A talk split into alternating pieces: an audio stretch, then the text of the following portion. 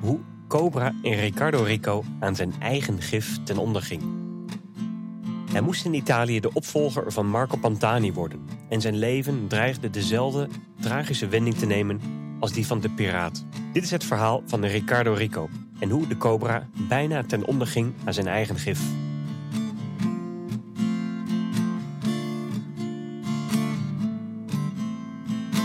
Welkom bij een nieuwe aflevering van Chronieken, een podcast met historische wielerverhalen van Eurosport.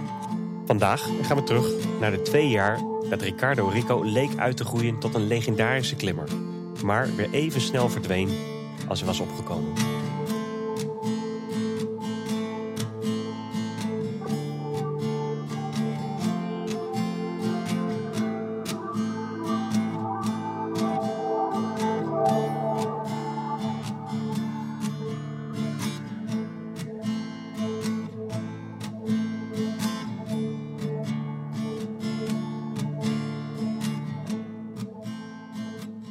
Laat het wapen door zijn handen gaan. De Walter PPK voelt koud en zwaar aan. In het magazijn zitten zes kogels. In een smoeselig Frans hotelletje overweegt de renner er een einde aan te maken. Af te zijn van alle verwachtingen, alle veroordelingen. Een foto op het nachtkastje van zijn kleine zoontje Alberto houdt hem tegen. Ricardo Rico krijgt de liefde voor de fiets met de paplepel ingegoten. Zijn vader Rubino keek ieder jaar trouw naar de Giro en bracht de adoratie voor idool Marco Pantani over op zijn zoontje. De familie Rico woonde in Formigine, in de Emilia-Romagna, de regio waar ook Pantani opgroeide.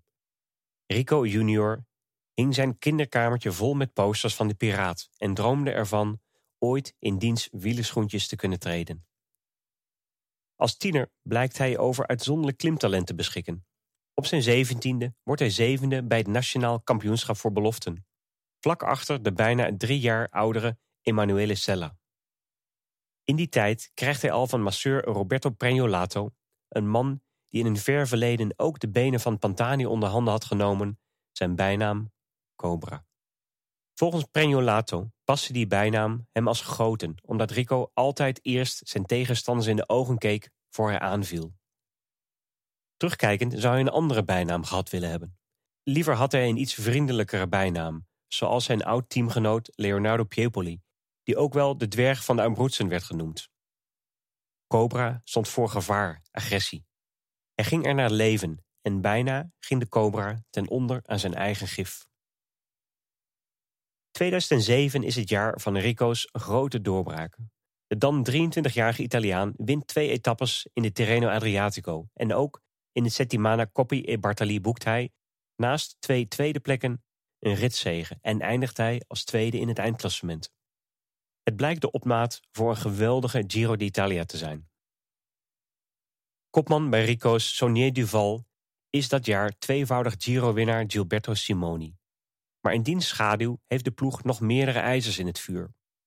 Naast de talentvolle Rico zijn dat Piepoli, die in Zwitserse dienst een tweede jeugd doormaakt, en Iban Mayo, de oude renner van Euskaltel Euskadi, beproeft voor het eerst zijn geluk buiten het eigen Baskeland.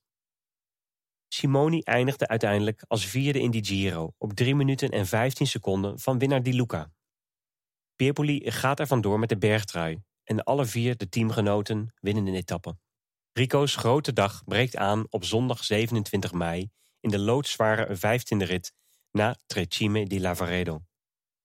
Een vierkoppig groepje met daarin behalve Rico zijn teamgenoot Piepoli, de Colombiaan Ivan Parra en de Mexicaan Julio Alberto Perez-Guapio begint met een ruime voorsprong op de groep der favorieten aan de slotklim. Van de vluchters is Rico de best geclasseerde man en hoe verder de vier weglopen, hoe reëler zijn kans op de roze trui wordt. Terwijl op deze regenachtige dag voorzichtig de zon doorbreekt, rolt de vinnige Italiaan symbolisch zijn mouwtjes op voordat hij op de pedalen gaat staan en aanvalt. Dansend gaat de rossige jongen uit Modena omhoog. Parra, die in het wiel van de twee Sonier Duvals geen meter kopwerk heeft hoeven doen en dus uitgerust aan deze klim is begonnen, brengt de anderen echter al snel weer terug op het wiel van Rico. Achter hen is het spel ook op de wagen. Terwijl Simoni in het zog van Di Luca moet afwachten hoe ver zijn twee ontsnapte ploeggenoten komen, heeft Eddie Mazzoleni de klassementsleider met een uitval onder druk gezet. Halverwege de klim is de Italiaan van Astana zelfs virtueel Di Luca gepasseerd. Die laatste rijdt op dat moment bijna vijf minuten achter de kopgroep. Op de steile stukken hoeft Di Luca de achtervolging niet zelf te leiden. Hij krijgt een helpende hand van Damiano Cunego en ook de jonge Luxemburger Andy Schleck steekt zich niet weg. Die twee bekopen hun hulp als Di Luca even later laat zien waarom hij deze Giro zal gaan winnen. Waar hij een paar kilometer geleden alles leek te verliezen, zet mooie Danilo met één geweldige versnelling de koers weer volledig naar zijn hand en pakt in een handomdraai meer dan twee minuten terug op de koplopers. Vooraan begint de lange aanval dan zijn tol te eisen en Perez is de eerste die overboord gaat. Met de moed der wanhoop en zijn laatste krachten zoekt Parra vervolgens de aanval. Maar tussen de uitzinnige tifosi halen Piepoli en Rico hem rap bij en in de laatste honderden meters laten ze hem staan. Meter voor meter rijdt het duo weg en juichend ziet Piepoli van een afstandje zijn jonge teamgenoot de meet passeren voor dienst eerste etappezege in een Giro. Erik Brouwer volgt dat jaar namens het literaire wielertijdschrift De Muur de Ronde van Italië en hij geniet van de twee jongelingen Schleck en Rico. Riccardo en Andy. Het was alsof Coppi en Bartoli waren opgestaan uit de dood. Maakt hij zelfs de vergelijking met een van de twee meest iconische duo's die de Italiaanse rittenkoers ooit heeft voortgebracht. Als je als 23-jarige renner in je eerste Giro in de top 10 kunt eindigen en kunt winnen op Trecime, dan wacht je een gouden toekomst, voorspelt Karl van Nieuwkerken al even euforisch en die toekomst lijkt een jaar later al aan te breken. Rico is dan namelijk al heel dichtbij de eindzege in de Ronde van Italië. Nadat het in 2007 Italië boven was in de Giro en Schleck als enige buitenlander in de top 6 eindigde, komt in 2008 ene Alberto Contador roet in de pasta gooien. Dat terwijl de Spanjaard eigenlijk helemaal niet zou meedoen. Vanwege dopingperikelen in de seizoenen ervoor was een Astana namelijk in eerste instantie niet welkom in zowel de Giro als de Tour. Maar de Italianen kwamen vlak voor aanvang terug op die aansluiting. En dus verschijnt plots een ijzersterke, maar onvoorbereide Kazakse equipe aan de start in Palermo. Dat Contador niet in topvorm verkeert, is wel te zien aan zijn manier van rijden. In plaats van zijn karakteristieke aanvallende stijl blijft hij in deze drie weken bijna uitsluitend beperkt tot het pareren van Italiaanse speldenprikken. De regerend toerwinnaar krijgt door het parcours van deze 91ste Giro wel de gelegenheid om in de ronde te groeien. De eerste twee weken staan namelijk in het teken van sprint- en heuveletappes, waardoor de verschillen tussen de favorieten klein blijven. Wel neemt in de zesde etappe een vlucht van 11 renners meer dan 10 minuten voorsprong. Het is Giovanni Visconti die eruit het meeste profijt haalt. Wat hij mag, maar liefst acht dagen het roze aantrekken. Ook Rico kent een goed begin van de Giro. In die eerste twee weken wint hij twee maal. Beide keren is hij in een heuvelachtige sprint de rapste. Maar in de tiende etappe, een tijdrit, verliest hij terrein op andere favorieten als Contador, oud-teamgenoot Simoni en Rabobanks Dennis Menchoff. Het peloton staat meteen drie loodzware dagen in de Dolomieten te wachten. Hier staat een andere, kleine, jonge Italiaanse klimgeit op. In de stijl van Rico, Pantani en eerder Claudio Chiappucci kiest Emanuele Sella rijdend voor de kleine Italiaanse ploeg CSF Groep Navigare, een voorloper van het huidige Bardiani, vroeg en veelvuldig de aanval. Hij vormt dan al lang geen gevaar voor de grote tenoren, omdat hij al voor de eerste bergen opdoenden tegen een enorme achterstand aankeek. Maar zodra de weg steil omhoog gaat, blijkt hij een klasse apart. Hij wint de eerste twee Dolomietenritten en ook in de Alpen is hij eenmaal succesvol. Maar Contador in de Dolomieten zijn leidende positie met verve verdedigt, oogt hij in de daaropvolgende Alpen kwetsbaar. Zijn Italiaanse concurrenten weten dat zij voor de afsluitende tijdrit in Milaan niet alleen hun achterstand op hem moeten goedmaken, maar zelfs een buffer moeten hebben richting die strijd tegen de klok. Want daarin zal de Spanjaard en zeer waarschijnlijk de baas zijn. Vooral in die eerste van twee Alpenritten heeft Contador het zwaar. Op weg naar Montepora opent Di Luca het bal. De roze trui is niet in staat te reageren. En zodra Rico dat doorheeft, gaat ook hij in de aanval. De vinnige Italiaan is Contadors naaste belager op slechts 41 seconden, terwijl Di Luca op 2 minuten en 18 seconden veel meer tijd moet zien te overbruggen. Contador heeft het geluk dat Sella en de Belg Jurgen van der Broek willen profiteren van een jour sans van Gilberto Simoni. De Italiaanse veteraan moest al vroeg de rol lossen en dreigt heel veel tijd te gaan verliezen. Sella en Van den Broek ruiken hun kans om ten koste van hem een plekje op te schuiven in het klassement. Mede door het werk van die twee houdt een leeggereden Contador aan de meet alsnog vier seconden over op Rico. Rico is op zijn zachtst gezegd not amused met het verloop van de slotklim. Hij richt vooral zijn pijlen op landgenoot Sella. Voor de camera van de RAI neemt een wit hete cobra geen enkel blad voor de mond. Als hij Contador niet keer op keer geholpen had, zou ik de Giro hebben gewonnen, meent hij. Sella is zich van geen kwaad bewust en zegt zich alleen maar met zijn eigen klassement bezig te hebben gehouden. Of Sella Rico nou willens en wetens heeft tegengewerkt, of dat hij echt voor zijn eigen klassement reed, feit blijft dat Contador zijn leiderstrui behoudt. En omdat hij in de laatste bergetappe gelijke tred blijft houden met de Italianen, begint de Spanjaard de afsluitende tijdrit met een voorsprong en komt zijn eindzegen zo dus niet meer in gevaar. Na de Giro wint El Pistolero in 2008 ook nog in eigen land de Vuelta. En zo pakt hij in iets meer dan één jaar tijd alle drie de grote rondes. En werpt zich zo op tot de opvolger van Lance Armstrong als patron van het peloton. Omdat de Fransen echter niet te vermurwen zijn, blijven de Kazakken daar niet welkom. Waar Contador dus thuis vanaf de bank naar de Tour mag kijken, gaat Rico voor de tweede keer in zijn carrière meedoen aan Le Grand Boucle. Met Piepoli, Rico en dit keer Juan José Cobo in plaats van Mayo beschikt Sonnier Duval ook nu weer over een trio gevaarlijke klimmers. En omdat er in deze patronloze editie geen renner meer is die er met kop en schouders bovenuit steekt, zou dit wel eens de perfecte kans kunnen zijn voor een aanvaller om daarvan te profiteren. Rico werpt zich al snel op als de perfecte man voor die rol. De formatie van ploegbaas Mauro Gianetti heerst in de bergen.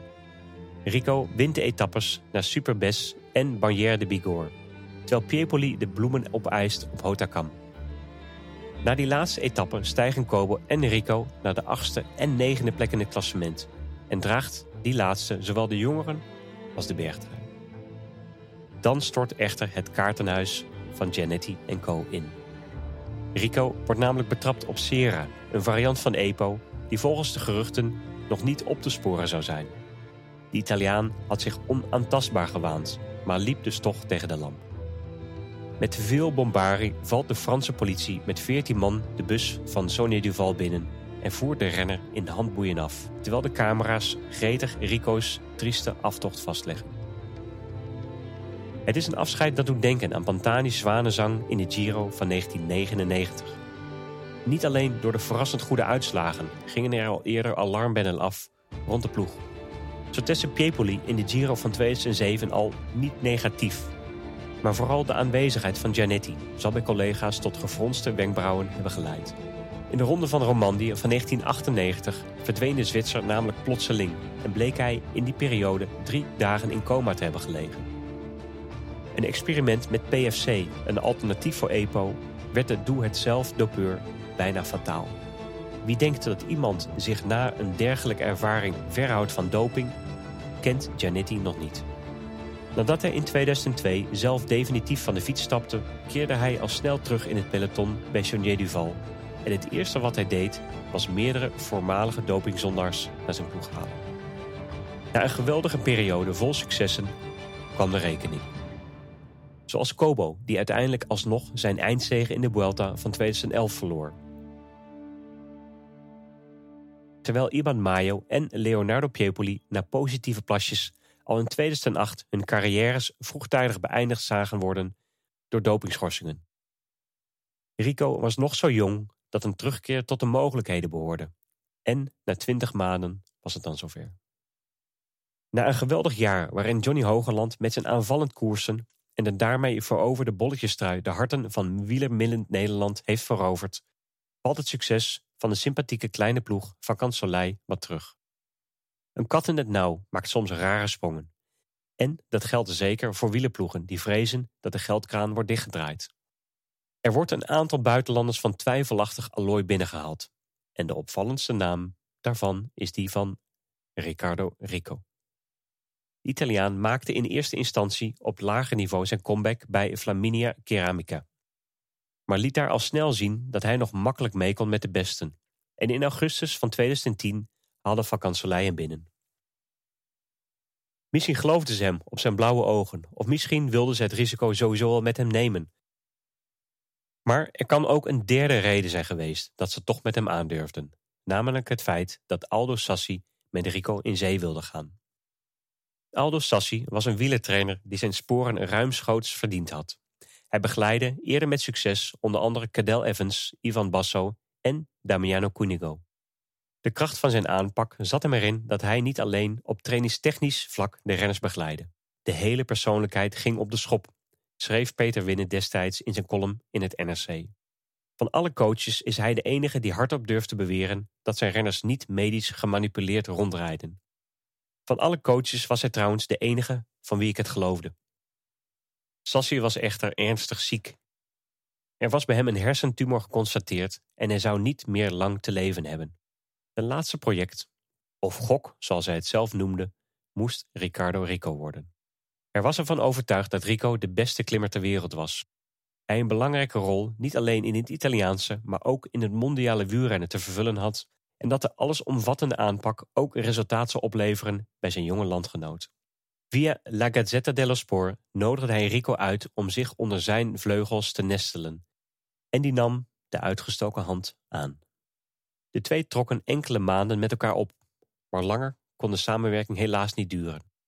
In december 2010 overleed Aldo Sassi op 51-jarige leeftijd.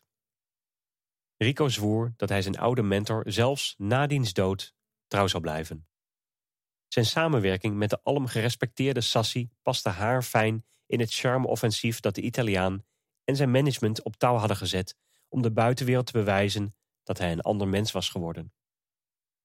Maar zoals, de maar zoals de schorpioen het steken niet kan afleren, zo weet deze cobra niet op te houden om zich heen te bijten.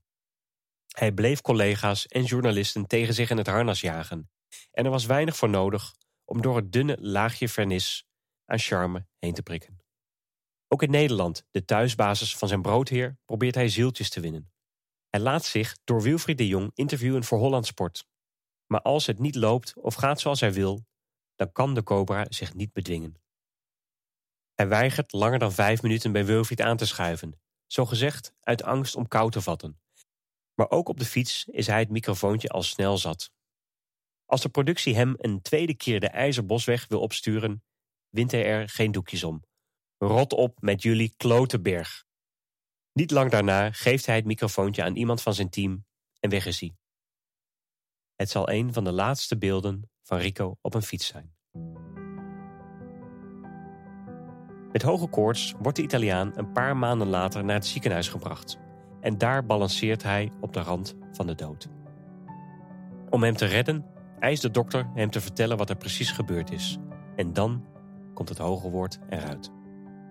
Rico biecht op dat hij zichzelf bloed heeft toegediend, dat 25 dagen in de koelkast van zijn oma heeft gelegen. Het inmiddels door bacteriën geïnfecteerde bloed tast nu zijn organen aan. De dokter breekt zijn eed, brengt het nieuws van de gevaarlijke bloedtransfusie naar buiten en luidt zo het einde van de wielrenner Riccardo Rico in. Van Soleil stelt hem vrijwel direct op non-actief. En het levert de Italiaanse hoop in bange dagen een schorsing van maar liefst 12 jaar op. Pas op zijn 40ste zou Rico weer aan een wedstrijd mogen deelnemen. Al zijn dromen spatten ineens uit elkaar en er breken donkere dagen aan voor de Cobra. Alles wat hij ooit is geweest en heeft willen zijn, is wielrenner. En dat kan, in ieder geval voorlopig, niet meer. Wat blijft er van hem over zonder de fiets? Met de Italiaans-Franse schrijver Salvatore Lombardo publiceert Rico in 2014 het boek Funerale in Giallo, Le Confessione del Cobra. Begrafenis in het geel, bekentenissen van de cobra. waarin hij ingaat op zijn dopinggebruik, zijn suïcidale gedachten. Hij schrijft er over het moment dat hij in een Frans hotelletje met een pistool in zijn hand op het bed zat en alleen de gedachten aan zijn zoontje Alberto voorkwamen dat hij de trekker overhaalt. Uiteindelijk vindt hij een nieuw pad als hij een dorpsgenoot tegen het lijf loopt die hem uitnodigt een cursus ijsmaken bij hem te volgen. Rico krijgt maandenlang privéles van de man en hij blijkt er aanleg voor te hebben. In diezelfde tijd wordt hij weer verliefd. In tegenstelling tot veldrijdster Vania Rossi, Riccardo's ex-vrouw en de moeder van Alberto, heeft deze nieuwe liefde Melissa niks met wielrennen of dopinggebruik. En dus komt hij makkelijker los van zijn oude leven. Ik ben niet meer dezelfde mens. Niet meer die dopinggebruiker. Niet meer de leugenaar, schrijft hij. Rico verlaat Italië. Hij laat de beschuldigingen, de veroordelende blikken achter zich en trekt met zijn geliefde naar Tenerife, waar hij een ijszaak begint en het wordt een succes. Toeristen, ook de Italiaanse, weten hun weg naar het ambachtelijk gemaakte ijs van Chocoloco te vinden. Hoewel de zaken op het Spaanse eiland goed gaan, wil Melissa terug naar haar geboorteland, terug naar haar familie, terug naar de Emilia-Romagna. En zo strijken de Rico's weer neer in Modena, waar ergens op een kalender de datum van 19 april 2024 nog altijd met rood omcirkeld stond. De dag dat de Cobra terug zou mogen keren in het peloton. Die terugkeer zal er echter nooit meer komen, want blijkbaar kruipt het bloed altijd waar het niet gaan kan. In een voorstadje van Livorno komen twee mannen op een scooter de parkeerplaats van een McDonald's oprijden. Ze stoppen naast een auto waar nog twee mannen in zitten. Wanneer er geld en pakketjes uitgewisseld worden, grijpen de carabinieri in. De twee man op de scooter blijken plaatselijke zorgmedewerkers te zijn met een florerend handeltje in achterovergedrukte medicijnen. De twee in de auto zijn oud-wielerprof Matteo Capé en Ricardo Rico. Hij ontkent, zoals hij altijd gedaan had. Ik was gewoon op de verkeerde plaats op het verkeerde moment. Die medicijnen waren niet voor mij bestemd, hield hij vol. Maar het mag niet baten. In 2020 wordt zijn twaalfjarige schorsing omgezet in een levenslange straf. De Cobra zien we dus niet meer terug in een koers. En nu ook dat laatste sprankje hoop op een wielercomeback verkeken is, kan hij zich misschien echt gaan richten op andere dromen.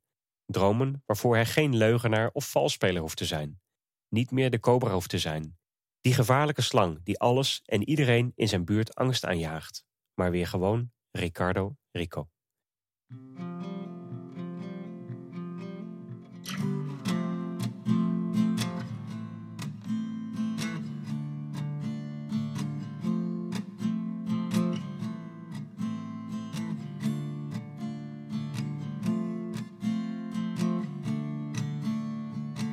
Chronieken is een podcast van Eurosport, geschreven door Felix Low en verteld door mij, Karsten Kroon.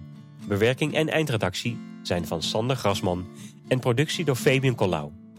Meer stukjes wielerhistorie door Felix zijn te vinden op Twitter via @saddleblaze. Als je mij wilt volgen, kan dat via @karstenkroon op Twitter. Eurosport volg je via @eurosport_nl. Bovendien vind je ons op Instagram en Facebook. Alle afleveringen van Chronieken zijn ook te vinden als artikel op eurosport.nl. Dit was de elfde aflevering van het derde seizoen. Dus als je hebt genoten van deze etappe uit de wielergeschiedenis, meld je dan aan, vertel het door en beoordeel ons bij jouw podcastaanbieder. We gaan er een paar weken tussenuit, maar keren in aanloop naar de Tour de France terug.